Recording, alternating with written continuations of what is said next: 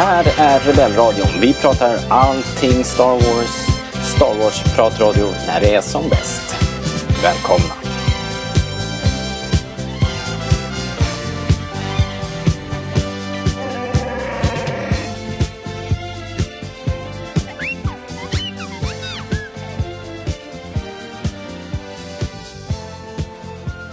Du lyssnar på Rebellradion, svensk Star Wars-podcast i samarbete med Star Wars.se.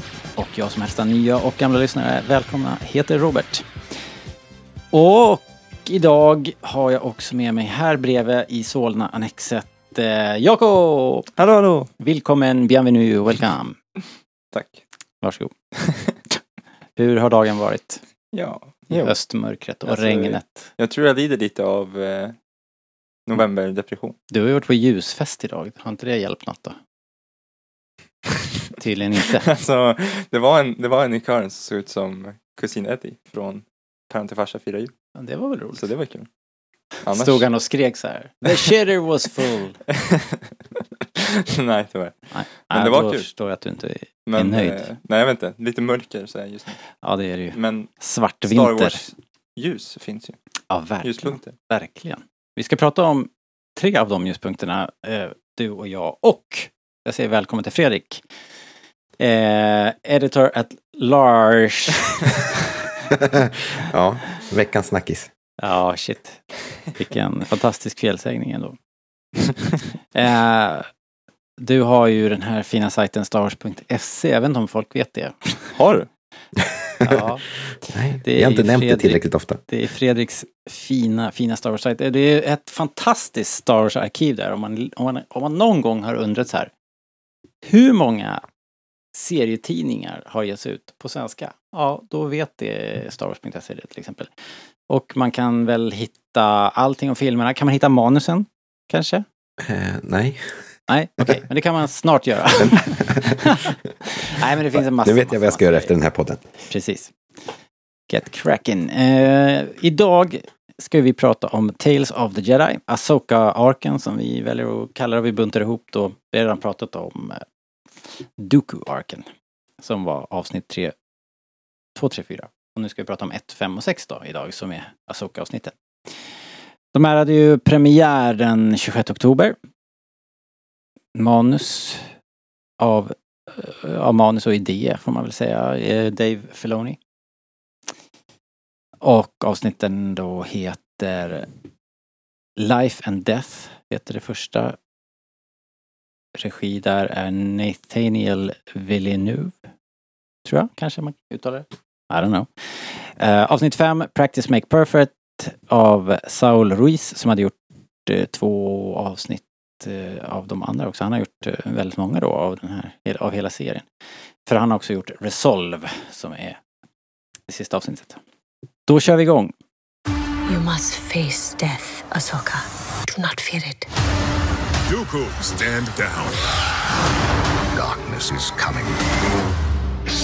Be prepared for anything. Begin. I want order. Can do better.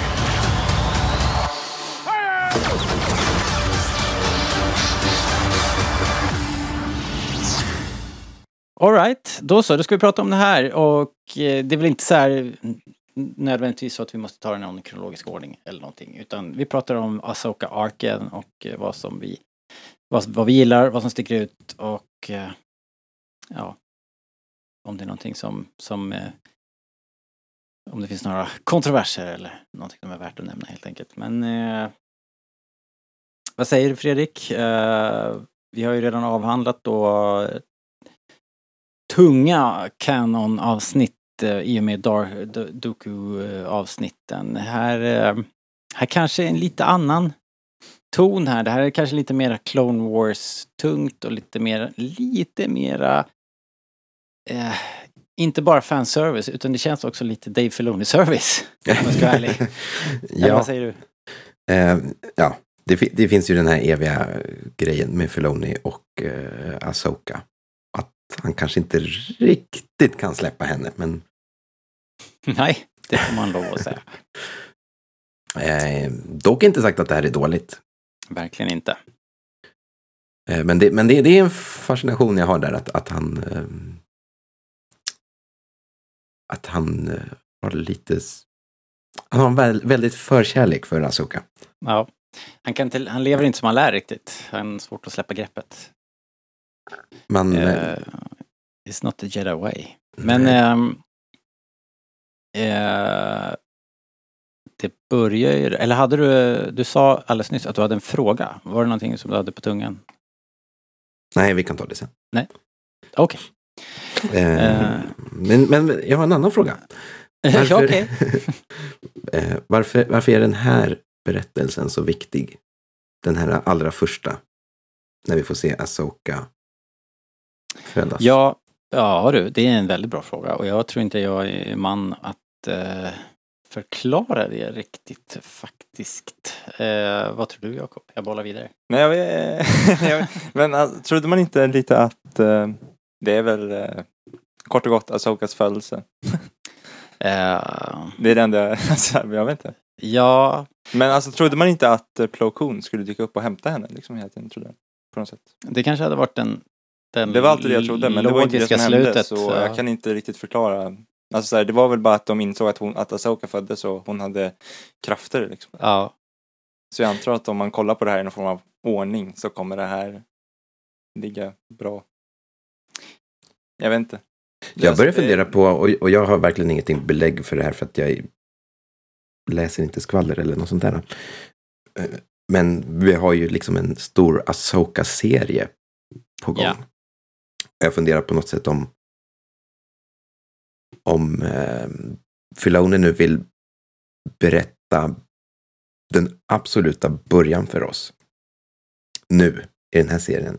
Om då han också börjar titta på och berätta det absoluta slutet någon gång ganska snart. mm. ah. Men det som känns lite Okej. konstigt är Du ju att... att, eh, att vi- tv-serien kommer att leda fram till slutet på Asoka. Det Kanske. är, inte, det är inte helt omöjligt. Ehm, ju, det är en intressant idé ju. För att någon gång, nu, nu sitter ju Dave Filoni på en väldigt tung st- stol på Lucasfilm. Han har ju mycket större kontroll nu än vad han någonsin har haft liksom. Så... Det, Jag känner bara, det och måste finnas menar jag någon talar anledning. Emot. Det, Det det, det menar jag finnas- talar emot liksom. Att, Ja. att för att han, han kan ju kanske påverka lite mer nu hur mycket han får berätta. Och vilka historier han, som blir berättade och så vidare. Eh, Men, men å andra sidan så är det ju så här att det är en tv-serie och det är ju ändå en fet chans att få avsluta Asokas story på ett pampigt sätt med en fet budget på tv liksom. Så det är ju, ja, intressant tanke. Avsnittet heter ju Life and Death. Ser vi någon död i det här avsnittet? Eh, de Nej, jagar ju. Det är ju Alltså, hjorten där, hjorten. eller hjortdjuret dör ju. Och det är ju också väldigt sådär äh, mycket naturfolks tänk i balans där att om, om man ska man ber om ursäkt när man tar ett liv och sådär. Men så här, det är ju en liv och död situation också med Asoka. när ja, det var det ju verkligen. Det får, det får man verkligen Jag säga. tänker alltså, det kanske är det jag gör. Jag vet. Eh, ja, alltså jag, jag, det var ju mysigt det här avsnittet men jag tycker kanske att det var lyxigt att kosta på sig ett helt avsnitt. Det var, jag fick ju ganska starka Djungelboken-vibbar som jag, jag postade lite bilder och sådär när, i våran grupp här på eh, Det är ju en sån där vignett verkligen när Asoka har blivit tagen av den här sabeltandetigen och tigern och de befinner sig mitt ute i djungeln och, och Asoka sträcker sig upp och nästan nuddar den här enorma tigern på nosen. Och ljuset kommer ner mellan lövkronorna där. Det är ju Djungelboken-posten Mm. från eh, häromåret. I princip. Så, så det har ju en viss sån eh, grej då, då på gång. Att hon är... Eh, Men jag menar det här är ju, handlar ju om ett, en dag. Mowgli levde ju hela sin uppväxt i djungeln. Det är inte riktigt jämförbart på så vis. Så Nej, det, det är väl mer en hyllning sådär. ja, en liten, ja, det är så jag ser det också. Ja. Det är en liten hyllning, en blinkning till Djungelboken. Men hon är ju då, hon blir ju någon sorts Harry Potter här. Flickan som levde, som flickan som överlevde och eh, den här gamla tanten. Eh, vem gjorde rösten där? Det var någon. Vem var det? Det eh, har jag inte koll på. Är inte hon från Battlefront? Eh, Ninja googling. Just det, det var det. Det är ju hon eh, som gör eh, huvudrollen i Battlefront Aiden Versio. Versio. Vad heter hon? Jag nin- ninja-googlar, ser vem som kommer först för jag hör att Fredrik knappar. Janina Gavankar.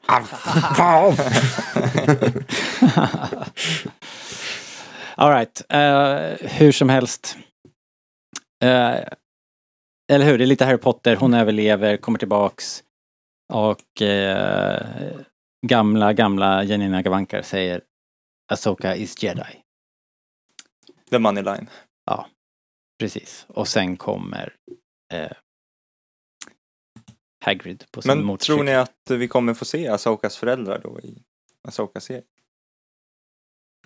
Nej. Men vad, vad då, eller vad, så här, vad, varför menar ni att det här var, alltså varför var det här då viktigt? För om det, om det, det här med att Plo Koon har hämtat henne till templet har man egentligen redan sett i Clone Wars. Så det är ju inte, Mm, mm. så liksom varför, egentligen då, varför var det här viktigt? Ut, var, utom att det var så väldigt uh, mysigt och trevligt. Liksom. nej, det, är- Nej. det, jag, det jag eh, liksom spånar i, det, det är i så fall att, att Dave Filoni försöker eh, liksom bookända. Bookenda, ja. Jo, Precis. men varför gör man då inte det bara i uh, Asoka-serien? Ja men då, om inte det fick plats där så fick, i, live action så kan han i alla fall göra det här på on a cheap. On a cheap liksom. Så att det, det är väl en idé, en tanke tycker jag ändå. Men eller så är det också, det kan ju också vara, eftersom vi sitter här i Europa och inte eh, det kan, jag undrar om det är någon så här massa eh, nordamerikansk myt i, eh, och, och eh, ursprungsbefolkningsmyt här invävt i det här som vi inte fattar. Jag har inte lyssnat på andra poddar där amerikaner an- analyserar det här. Men eh, det var en tanke som slog mig. Ja, kanske. Så, men i övrigt kanske vi bara kan lämna det här och, och eh, konstatera att det var ett litet myspysig start på, på serien.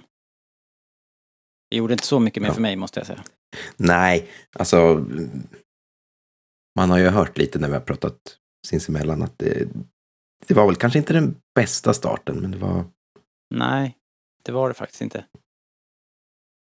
Ehm, Men det var ju även mer för att även det om var Asoka är väldigt Så det var ju mer för att det var så oklart. Liksom. Det, är, ju- det är ju mer det här som vi pratat om nu, att det var oklart tycker jag. Mm. Vad, vad var meningen med det här? Det, alltså, Mm.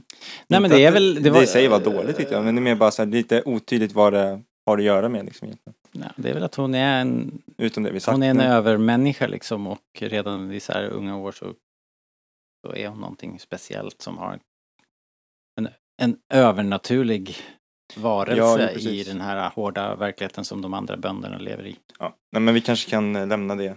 Ja, ja den, var, den var lite svår. Eh, om ni som lyssnar har, har något eller har hört något så eh, upplys oss gärna. Ja, svår nöt att knäcka vad, vad poängen var. ja, om det, om det finns någon djupare mening här som vi har missat så, får, så vill jag, jag vill gärna veta. Det sen kommer det ändå som är mer on the nose, eh, avsnitt 5, Practice makes perfect. Eh, och här tror jag är en liten vattendelare här i rummet i alla fall. Eh, jag vet inte hur Fredrik ställer sig till det här. Vad tyckte du om Practice makes perfect? Eh, men gud vad jag kommer känna skrivning. Nej, men det, det var inte... det var inte heller min favorit faktiskt. Okej, varför det? Ehm, det var inte jättemycket till handling i den här va? Eh, jag måste kolla hur långt det här är. Det kändes som ett kort avsnitt. Det var Eh, typ tio minuter tror jag. Jag tyckte tvärtom att den kändes oerhört lång. Nej då. eh, det står ju Men det var typ så här här. jättekort. Så här tio minuter typ. Det, det, det kan ha varit så pass. Något sånt. Eh, men det står faktiskt inte här. Eller? Jäkla IMDB. 15 minuter. Ja, det, Är är, det är ju kort. Det är ju... Och då är det tre minuter eftertexter. Så. Men alla avsnitt var ju typ så. Jag kollar Eh, lite snabbt. The Sith Lord. Sith Lord. Det här kändes väl lite mer som ett så här 15 minuter. standard, standard Clone Wars Ja, men det var också bara 15 avsnitt fast lite rumphugget. Liksom. Det- minuter. Om det här stämmer ska jag säga. Jäklar vad deppig du är Fredrik. Ja, men, Nej men grejen med det här avsnittet är, jag tyckte det här avsnittet var, var ganska bra. Ja. Men det, så här, för mig var det ju väldigt bra, som har sett så här Clone Wars tusen gånger typ. Mm. Om det här är en, om, om man ser Tales of Jedi för första gången liksom, utan att ha någon så här ordentlig, ordentlig koll på säsong 7 framförallt av Clone Wars och liksom Clone Wars-serien. Då måste ju det här vara närmast oförståeligt. Ja. Eh, det, det blir lite som med Book of Boba Mm. när de liksom kastar in massa Mandalorian-grejer. Mm. För tänk om de som bara ser Mandalorian ska kolla på säsong 3. Det kommer ju bli väldigt mycket så här, alltså där, Nej. förstår ni vad jag menar? Ja, det, det, oh, det, fyller liksom, det fyller liksom i luckorna i en annan serie. Mm. Och då blir det lite, det blir ju mäktigt på slutet för vi vet vad som händer i, Mm. i avsnitt, eh, i sista avsnitten i säsong 7. Ja. Lite det, och det där, den där typen av berättande när man sprider ut olika, samma ark i olika serier Mm. kan jag ha lite svårt för ibland. Jag kan tycka att det känns lite otydligt och som att man liksom så här Alltså det, det får kännas lite onödigt. Typ. Det, det är ju liksom, jag tänker så här, att frågan som ställdes var hur kunde Asoka överleva överhuvudtaget? Hur klarade de sig ur Order 66? Ja, men det var så här. Hon har blivit tränad på det här sjuka sättet av Anakin under alla år och paradoxalt nog då så är det det som räddar henne undan eh, Ja. Order 66 och Vader. Ja, precis. För dig och mig Så är, det- är det så så. det- ja, men ja, eh, absolut. liksom, på slutet så framstår det bara som att det är en jättestor övning med så här 200 troopers. Ja, Om man precis. inte om man riktigt- inte har koll. Nej, man inte har koll. Nej. Så, att det jag så är det är som att befinna sig i, som jag ser det, lite grann, det är ju ett Easter egg, bara det att vi sitter inne i Easter egget. Liksom. Oh my god. Det är som så här, när det satt så här, the hole within the door. ja, Så så, exakt så är det. ja, Vi befinner oss i hålet i Ja. munken. I hålet i mörkret. Ja. Ja. Nej men det, är- det är ju en väldigt märklig grej det här och det, det är ju verkligen som vi pratade om tidigare, det är ju som en godis som vi får. Det är verkligen extra Men liksom det jag gillade med det här i alla fall. bara. den där sista, sista pusselbiten som slidar in i pusslet. Som Ja. man egentligen, är, ja du vet en bit i tusen Ja. bitar. Så det kanske man kan klara sig utan om den sitter där nere. Men, men när den väl nu fick den Mm. så var det jävligt nice. Och jag tyckte, jag blev, Ja. jag blev helt eh, så här, oväntat rörd när, när sista, sista scenen kom Ja. och de här dörrarna öppnades och man vet vad som komma skall och man fattar liksom att vad, vad liksom poängen med hela jävla avsnittet var. Ja, jo precis. Så jag, jag gillade det men jag fattar precis vad du menar. Jo men det var bra det är sådär. Som en standalone är det ju, är och- det ju bananas. Men det är ju lite det här som gör att jag gillar det här mer än det, det första avsnittet. För det här avsnittet, för dig och mig, eller liksom för de som förstår, det landade i alla fall. landar ju tungt. Och liksom man fattar ju ändå vad storyn i det här avsnittet är. Tycker jag. Ä- och liksom även om man inte fattar att det handlar om Order 66 så kan man ju förstå att det handlar om att Asoka har växt upp och blivit en bättre jedi. Liksom. Ja. Så, här. så på så sätt är det ju här en bättre, tydligare ark. Och så har det ju Rex i sig, vilket alltid är en, eh, en bonus. Liksom. Just det. Jag, jag tycker snarare liksom den starkaste delen av det här avsnittet i så fall precis i början. För att vi får lite vi får lite Obi-Wan, vi får lite Anakin, vi får uh, Shinobi. Shinobi. Ja, just det. Ah. vi får Kanan. Det var episkt. Shinobi har fått mycket screen time det här året. Alltså de verkar älska Shinobi, han är ju med överallt. Ja. Och Kanan ja, som du sa för Var Kanan med? Kanan var, var där i eh, träningsrummet där Soka var. Första träningsrummet med Shinobi och Jaha. Som en liten eh, pilt? ja, Jaha. som en liten, eh, han och hans mästare satt där och kollade på. Som, som Jedi Youngling kallas. Master Skywalker. What are we going, Going to, to do? do. eh, jaha, det missade jag. Jag får kolla om. Det var roligt. Men det var, det var ju kul och, jag- och liksom, kan ju bara säga det nu, jag, det här är ju, jag är ju väldigt förtjust i hur det här ser ut. Ja, Eh, liksom, det är ju visuellt är ju det här bland det bästa som det här teamet har levererat tycker jag.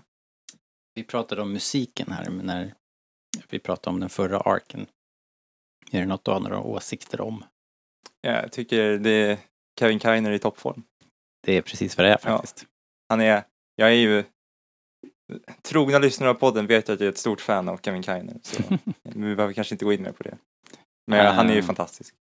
Nej, ja vi... Hans Asoka-theme framförallt är ju fantastiskt bra. Ja, och eh, fortsätt, alltså det, det fortsätter ju i samma fina form som han var där i slutet på Clone Wars. Ja, och i Bad Batch bland annat. Eh, ja, precis. Han är verkligen på nytt född sa vi här typ att han är liksom känns frisläppt. Han gör lite mer vad fan han vill nu känns det som. Det känns som att han är tillbaks i där han var så här när han började göra Clone Wars fast nu blir det typ bra. no offense. Ja, det, men var, alltså- det, var, det jag håller med. Men så- från- han var ju mycket mer, det var spretigare i början. experimentell, precis. Ja, det Han- var ju ett val de gjorde. Ja, de ville särskilja sig från Williams men nu känns det som att det där landar bättre på något sätt. Det, Ja. det känns mer naturligt. Men det kanske är för att man har blivit bekant med hans musik. Mm. Det är right up my alley i alla fall. Ja, det är nice. Eh, Men nu kan vi bara, om ni inte har något mer att säga om det här ska vi avsnitt fem så tycker jag vi ska hoppa till det jag tycker var det bästa. glida avsnittet. vidare till avsnitt 6 som heter Resolve. Eh, en eh, fortsättning på Asokas ark kan man väl säga då från eh, sista säsongen av Clone Wars där hon ju eh, försvinner. Det börjar ju snyggt här också va med begravningen förresten, Padmes begravning. Ja, men Ja. liksom om så här, de här två tidigare kanske var lite så här Clone Wars 7,5 så känns det ju här lite mer fristående. Mm. Eh, Men alltså Precis, hur- så knyter hur- ihop också eh, Episod 3 Ja, det är så jävla med, nice när de, gör, med när de knyter Asoka ihop. på ett jävligt eh, snyggt sätt. Men det är så jävla nice när de knyter ihop sa- saker från filmerna Ja, i, an- i animation. Tycker jag. ja, ja. Typ som i början på Bad Batch, kommer ni ihåg när man får se Revenge of the Sith-scener i... Ja, just det. Ja, det Det är, är, coolt. alltid, det, det, är- det är ju trevligt liksom. Yes. Och så otroligt fint animerat. Alltså, Ja. alltså den allra, allra första scenen med begravningen. Jag trodde först att det var ett klipp från filmen. ja, miljöerna är ju otroligt snygga. Eh, liksom, men man, man kanske inte misstar några av karaktärerna för... Nej, alltså när man ser ansiktena så fattar man ju liksom. Ja. Men, men när man ser den här liksom, vida vinkeln uppifrån Ja. med all, alla människor långt där nere. Liksom, ja, det är ju så snyggt så att man... Yes. Men liksom jämför det här med hur Naboo såg ut i säsong 1 i det här Blue Shadow Virus i Clone Wars.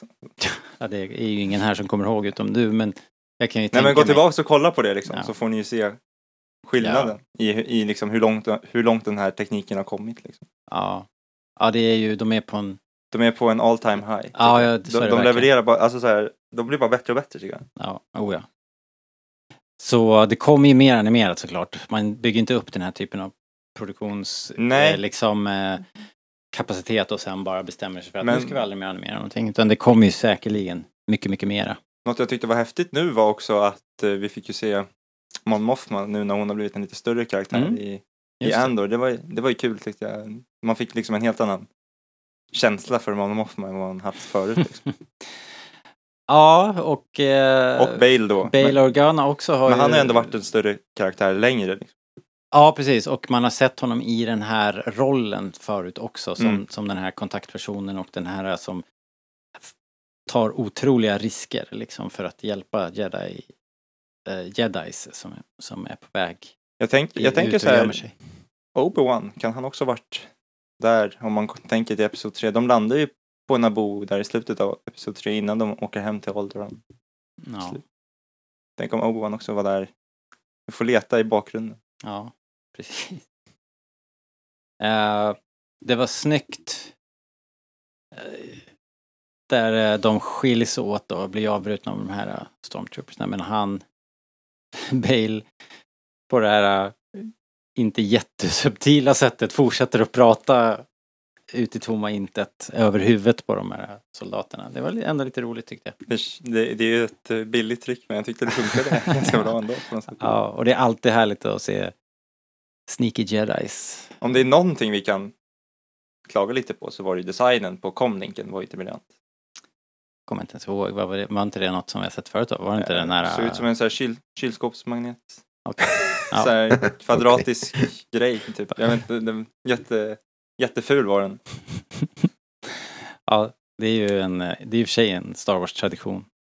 eh, Fula komlings. Gjorda av eh, badrumsaccessoarer. Jo men hade det Ofta. inte kunnat vara det där durkslag som Qui-Gon håller i, i Episod 1 istället? Durkslag? Nej det kanske inte är. Nej, det, det är en lady shave. Det är en rakhyvel. Som, Ja, man, som man har i Episod 1 i alla fall. Ja det är det ja. Nej det är, det är Episod 2 som Obi-Wan har ett durkslag på sitt skepp.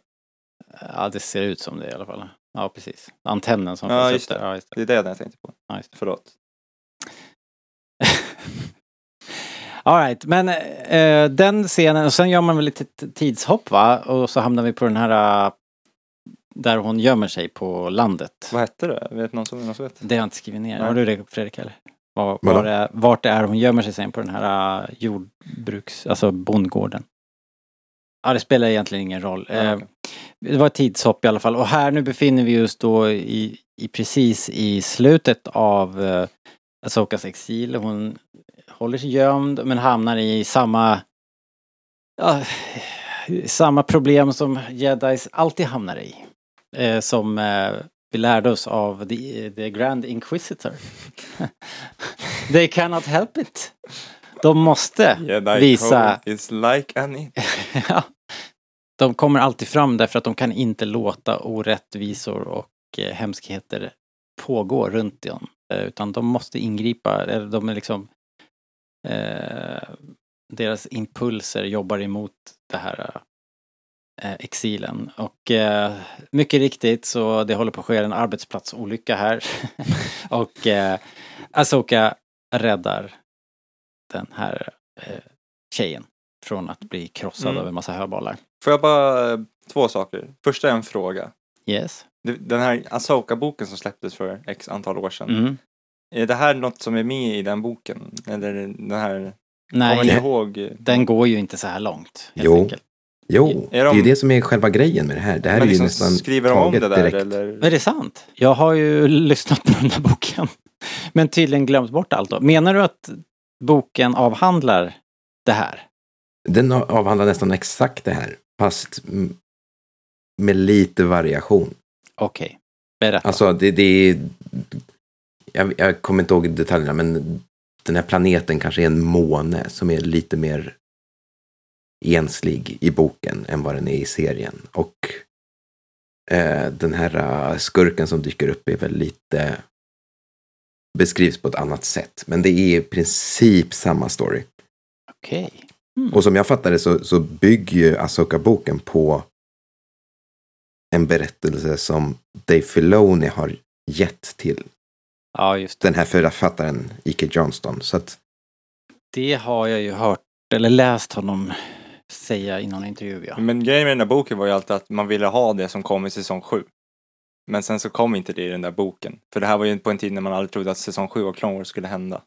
Så det här var bara lite väldigt lösryckt kommer jag ihåg då. Eh, Men nu, men nu får det en helt annan betydelse när man har säsong 7 ja. och liksom kan bygga ut. Men vad nice ändå att de inte sabbar boken. Det är ju nice att den får, får Ja, finnas. jag tänkte, liksom. För jag tänkte först tvärtom att de skriver om boken. Liksom, Nej, men den tydligen inte. Nej, det, är såklart, det är såklart jättemånga fans som är jättearga för att alla detaljer inte stämmer liksom, Ja, ett ja, till ett. såklart. Men ja, jag tycker inte man kan vara så petig. Alltså, det, Det är ju en fin tradition i Star Wars också att saker och ting berättas lite annorlunda beroende på lite grann som folklore, att det liksom det lite, finns en viss glidning i historieberättandet som gör att eh, samma händelse beskrivs olika eh, beroende på your point of view. Det gör det också bra för folks headcanon. ja, man kan klämma in lite headcanon där ibland när det behövs. Nej men det andra var, eh, som jag ville säga var bara att de här två syskonen som jag tror inte ens de får ett namn. Mm. Bara sys- systern och brodern. Liksom, de, de två, nu när man, nu när vi kollar på Andor i full fart Mm. så tycker jag att det där är ganska, deras relation är ganska nice liksom. För han, bro, brorsan, Mm. tycker ju att Imperiet är ganska bra i början. Ja, just det. Eh, Och att de liksom tog, gjorde slut på kriget och liksom beskriver den som en god sak liksom. Mm. Eh, Och det där är ju lite i linje med Andor, Mm, verkligen. tycker jag. Hur många tycker. Typ Perrin till exempel. Ja. Eh, och sen inser han ju, att han har fel. På slutet där. ja, för han blir ju Eh. inte visad. Han är ju helt oviktig Nej, för den här precis. inkvisitorn. Precis, helt, medan den här gamla gubben irrelevant. Som har sett saker, han bara, "Ah, du vet inte vad du pratar om. Typ. Nej. Ja, men det var lite nice parallell med Andor tyckte jag. Ja. För liksom det där känns inte som att det alltid varit eh, självklart liksom att alla tycker Alltså förut känns det som att det har varit mycket mer så här, Imperiet är onda och Mm. rebellerna är goda. Men den här snubben tycker rebellerna är dåliga. Mm.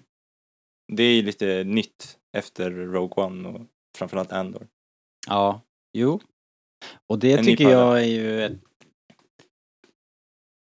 Det har väl egentligen alltid varit centralt i Star Wars men det har ju kanske inte gjorts så tydligt förrän nu på senare tid som du säger. Det har ju liksom alltid varit, alltså rebellerna mot imperiet men vi har ju inte sett så mycket av vanligt folk förut. Vi har ju varit mitt Nej. i det förut på ett annat sätt liksom. Men det var trevligt att se liksom en så här en vanlig, eh, en vanlig person. En vanlig... Mm. En vardaglig människa. Liksom förespråka imperiet över republiken. De får inga, de har inga namn, det står, Nej, tror cred, inte- credits är bara Village Brother och Village Sister. Ja. Det är intressant.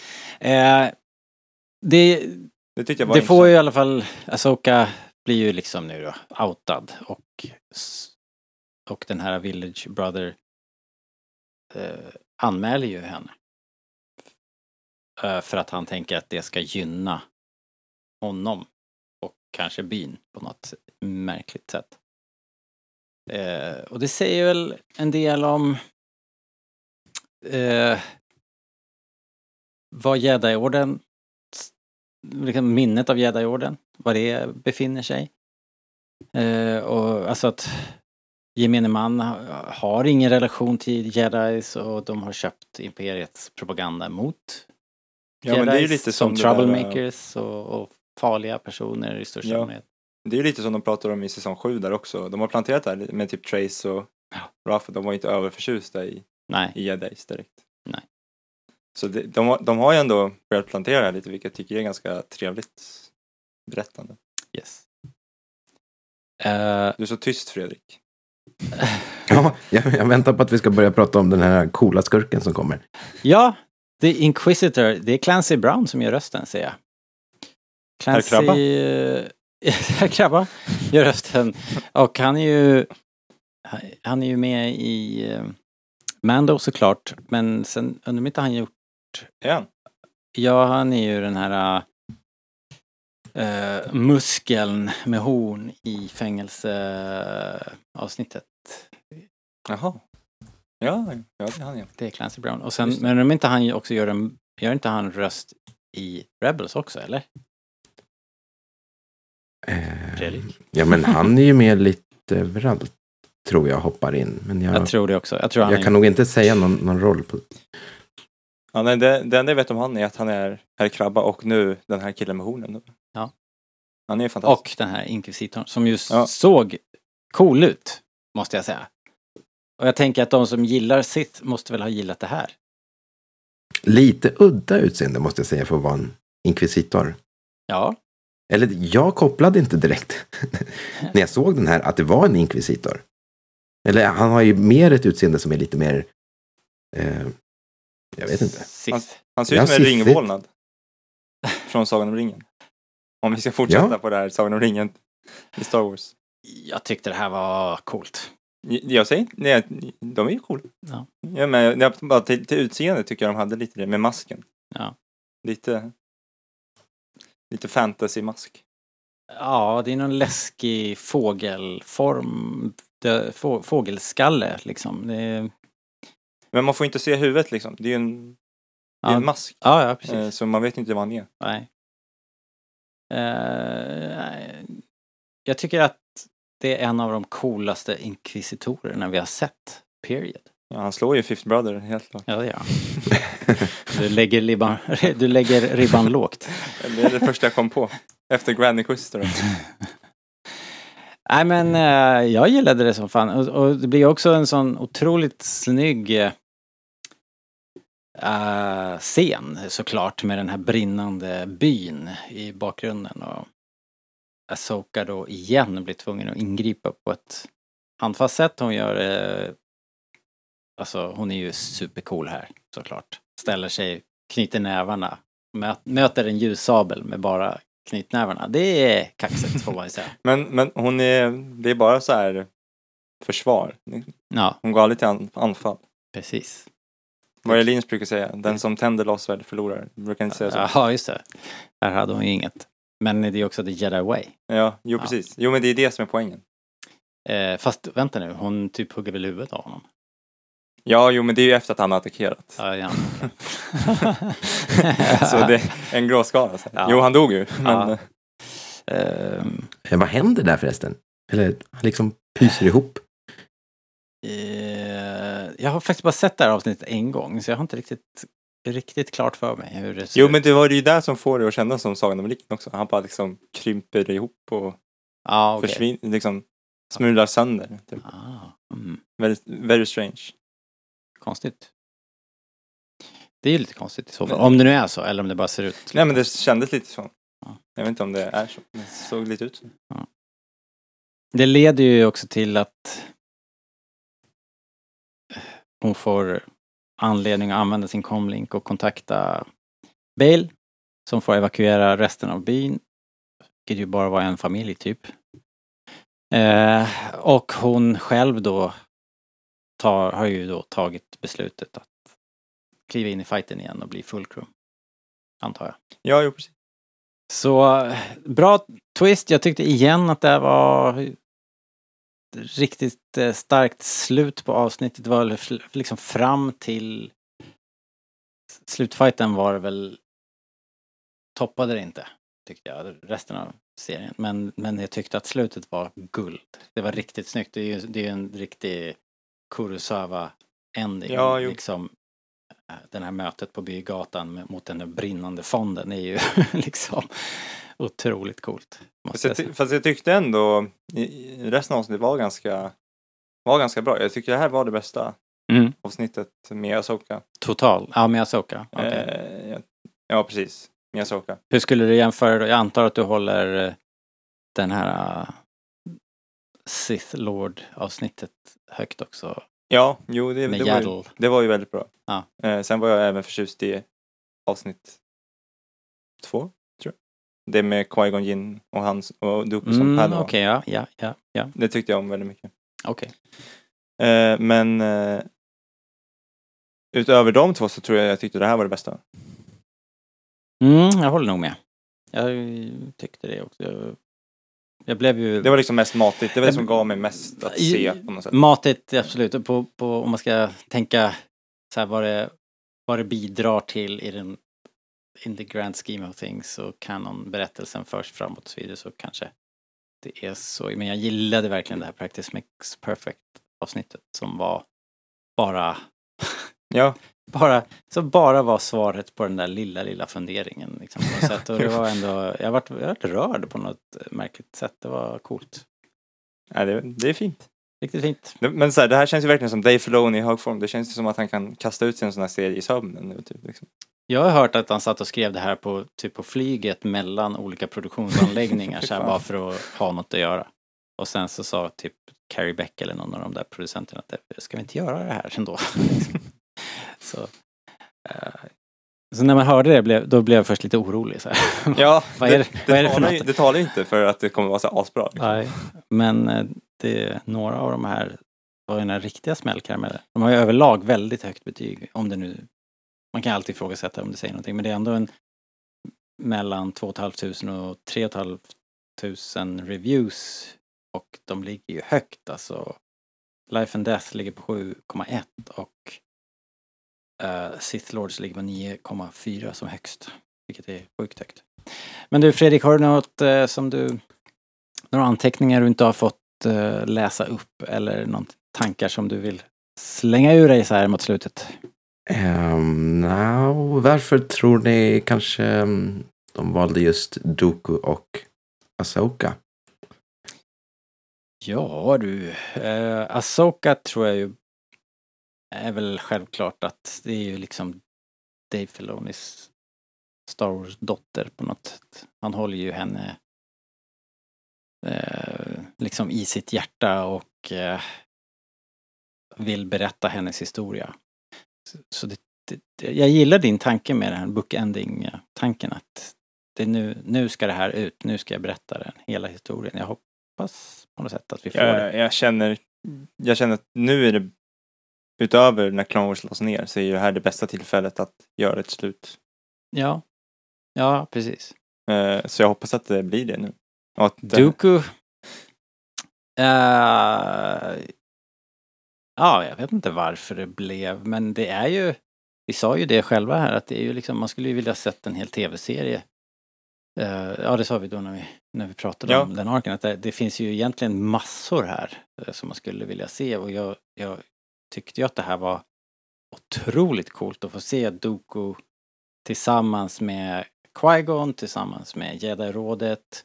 Hans liksom att man planterar fröet här när han tappar eh, Ja, när han gör, gör det första vägvalet, Ja. när han blir arg och, och låter det ta överhanden och sen så när han börjar hänga upp sig på ko- han ser korruption överallt helt plötsligt och eh, och sen då att han ger sig i lag med Sidious till slut. Ja. Eh, så det var, det var ju bara Men jag är, jag är väldigt förtjust mastig när, historia. som jag vill ha serierna. Det är att de ska liksom bara vara ett mervärde. du ville bara ha fanservice. Ja men typ, alltså så här, jag är vad Anders Lundgren kallar för trygghetsknarkare liksom. Ja, så är det ju. Ja, nej men så här, det var jävligt skönt att se lasersvärd liksom. Ja. Nej, nej, men det jag menar är, jag, jag är väldigt förtjust i när serierna liksom knyter ihop, men inte liksom nödvändigtvis liksom förändrar filmerna, men bara ger ett mervärde. Typ som det här med i Duke-avsnittet där, Sith Lord, när de Aliedes pratar om den här Sith Lorden. Typ. Mm. Bara sånt, alltså så här, det bara ger det nyans och mervärde till Mm. filmerna. Mm. Men det förändrar egentligen inget som händer i filmen. Nej. Men Jag- de här jag- är ju också mycket mer, bortsett från det första avsnittet nu som vi inte riktigt fattade vad fan det var frågan om egentligen med Asoka. Så är ju alla de här mycket mer tydliga Ja. liksom moralkakor. Så bara här Jakob, ät den här moralkakan så förstår du. Men jag är väldigt förtjust i det där, där det blir så här mervärde till filmerna. Ja. Eller, eller typ som i det här Asoka-avsnittet som vi såg, det där sista, Resolve, med när hon är på begravningen. Liksom. Mm. Väldigt förtjust i den typen av serie, när de gör den typen av serieberättande. Då är ju Andor raka motsatsen så då förstår jag Ja, och vi alla vet ju vad jag Ja. tycker om Andor. Du liksom, sliter ditt hår. Ja, Så det, eh, så det här var skönt. Vad säger du själv då Fredrik? Vad, din, hur, hur går liksom dina tankar kring valet av karaktärer och just de här två arcsen och eh, är det eh, och, och hur ser du på att vi har dem nu helt plötsligt? Jag vet inte, jag funderar på... Suttit mycket och tänkt på om det finns liksom någon, någon röd tråd som löper genom den här serien. Bortsett kanske från att båda lämnar eller tvingas ut ur Jedi-orden. Ja, alltså jag Eh. tänkte, för jag ställde, nu när du säger det, jag har ställt mig frågan och är inte det att, alltså det har ju med det här med vägvalet att göra och att man kanske inte styr själv. Eh, I Asokas fall så blir hon ju outad, anmäld liksom. Så hennes val gjorde ju åt, gjord- gjordes åt henne på något sätt. Av andra. Dooku ger sig ju in i den här situationen, i, i hela resan med någon sorts separatistisk ideologi som börjar gro i honom. Men kanske inte har tänkt att han ska bli en Sith Lord, liksom. Utan det är ju det är ju liksom Palpatines konstanta manipulerande som gör att han väljer att väljer sida där helt plötsligt mot Jedi-orden. På riktigt och dödar Yaddle. Nej men det jag, det, jag är lite förvi- eh, inte förvirrad, men jag, jag är lite förvånad över hur serien berättades. Mm. Eh, kanske inte, alltså när man såg postern så, där, så insåg man kanske att det kommer handla om Dooku och Asoka. Men innan det, när man hörde Tales of the Jedi så tänkte jag att det skulle vara så antologier liksom. Mm. Att- Så här, Dooku får ett avsnitt, Asoka får ett Mm. avsnitt, eh, så här, Mace Windu får ett avsnitt. Just det. Eh, Ja. Det så- hade ju kunnat Så tänkte jag att det skulle vara först. Så jag blev bara lite så här överraskad när det inte var så. Ja. För det var liksom så jag hade tänkt att det skulle vara när det heter Tales Jedi. Det kändes som att det skulle vara bara så här sagor om Jedi. Eller alltså så här stories om Jedi. Det öppnar ju Inte också bara- upp för fler. alltså, Vi skulle ju kunna få ja. två sådana här arcs varje år. Jo men jag tänkte liksom att det inte skulle vara arcs ens tror jag, utan att det bara Nej, skulle nej, vara ett förstår, nej, jag lite förstår. längre avsnitt, kanske 25 minuter istället för typ 10, en kvart. Och sen så bara, nu får du ett avsnitt om Yaddle och nu får du ett avsnitt om uh, Jared Poe. Typ. det hade varit kul. Han går omkring och slår i huvudet i allting bara. Man vill ju se hans Jedi Starfighter. Ja. eh, Nej ja, men så tänkte men, jag. eh, ja, Så det var bara, det var det sista jag hade att säga. Jag tyckte Tales of Jedi var en trevlig upplevelse liksom. verkligen. Men eh, Jag håller med. det var ju inget groundbreaking. Men det var ju trevligt. Japp. Very, very nice. En riktig eh, lyxig Karamell. efterrätt. Ja, Ja, precis. där har vi det. Ja, men då så. Då tror jag vi, vi rundar av den här serien och uh, uh, tackar för oss. Jag skulle vilja be er att fundera på att gå in på buymeacoffee.com slash rebellradion. Det är ju lättaste sättet att stödja oss här och hjälpa oss att hålla hjulen igång, lyset på och allt det där. Eh, och det är också så att man kan göra det mer än en gång. Så om ni har varit jättesnälla tidigare så överväg att göra det igen någon gång i framtiden. Det är ju supersnällt, väldigt, väldigt lätt och eh, vi, eh, vi blir jätteglada när vi får den här typen av uppskattning, såklart. Eh, om ni vill ha något mer konkret för era pengar så kan ni gå till rebellradion.se och klicka er vidare på shoppen. Där kan ni ju köpa en lite Rebellradion merch. Det genererar också några eh, sekiner till oss här och så får ni ju en t-shirt för besväret då eller vad det nu är ni beställer. Det finns mycket att välja på där och eh, det är ju jul snart. Så köp, eh, köp Rebellradion-presenter till alla. Det blir, kommer bli jätteuppskattat tror jag. Eh, och ni som använder er av iTunes, eh, passa på att ge oss en femstjärnigt betyg där så vi kommer upp i listorna, fler hittar till oss och allt det där, you know. You know the drill. Gör det nu, inte sen. Okej? Ja. Och så vill vi tacka David Almroth för outro-musiken. Det vill vi verkligen göra. Tack David. Och eh, vi tackar för oss för idag och eh, så hörs vi väl antagligen i en Andor-podd i ditt öra snart. Snart är det Andor. På Yes. onsdag. Snart är, det- snart är det dags igen. Tack Fredrik. Tack själv. Tack Jakob. Tack, tack. Hej med er. Hej då! Hej då. Hej då.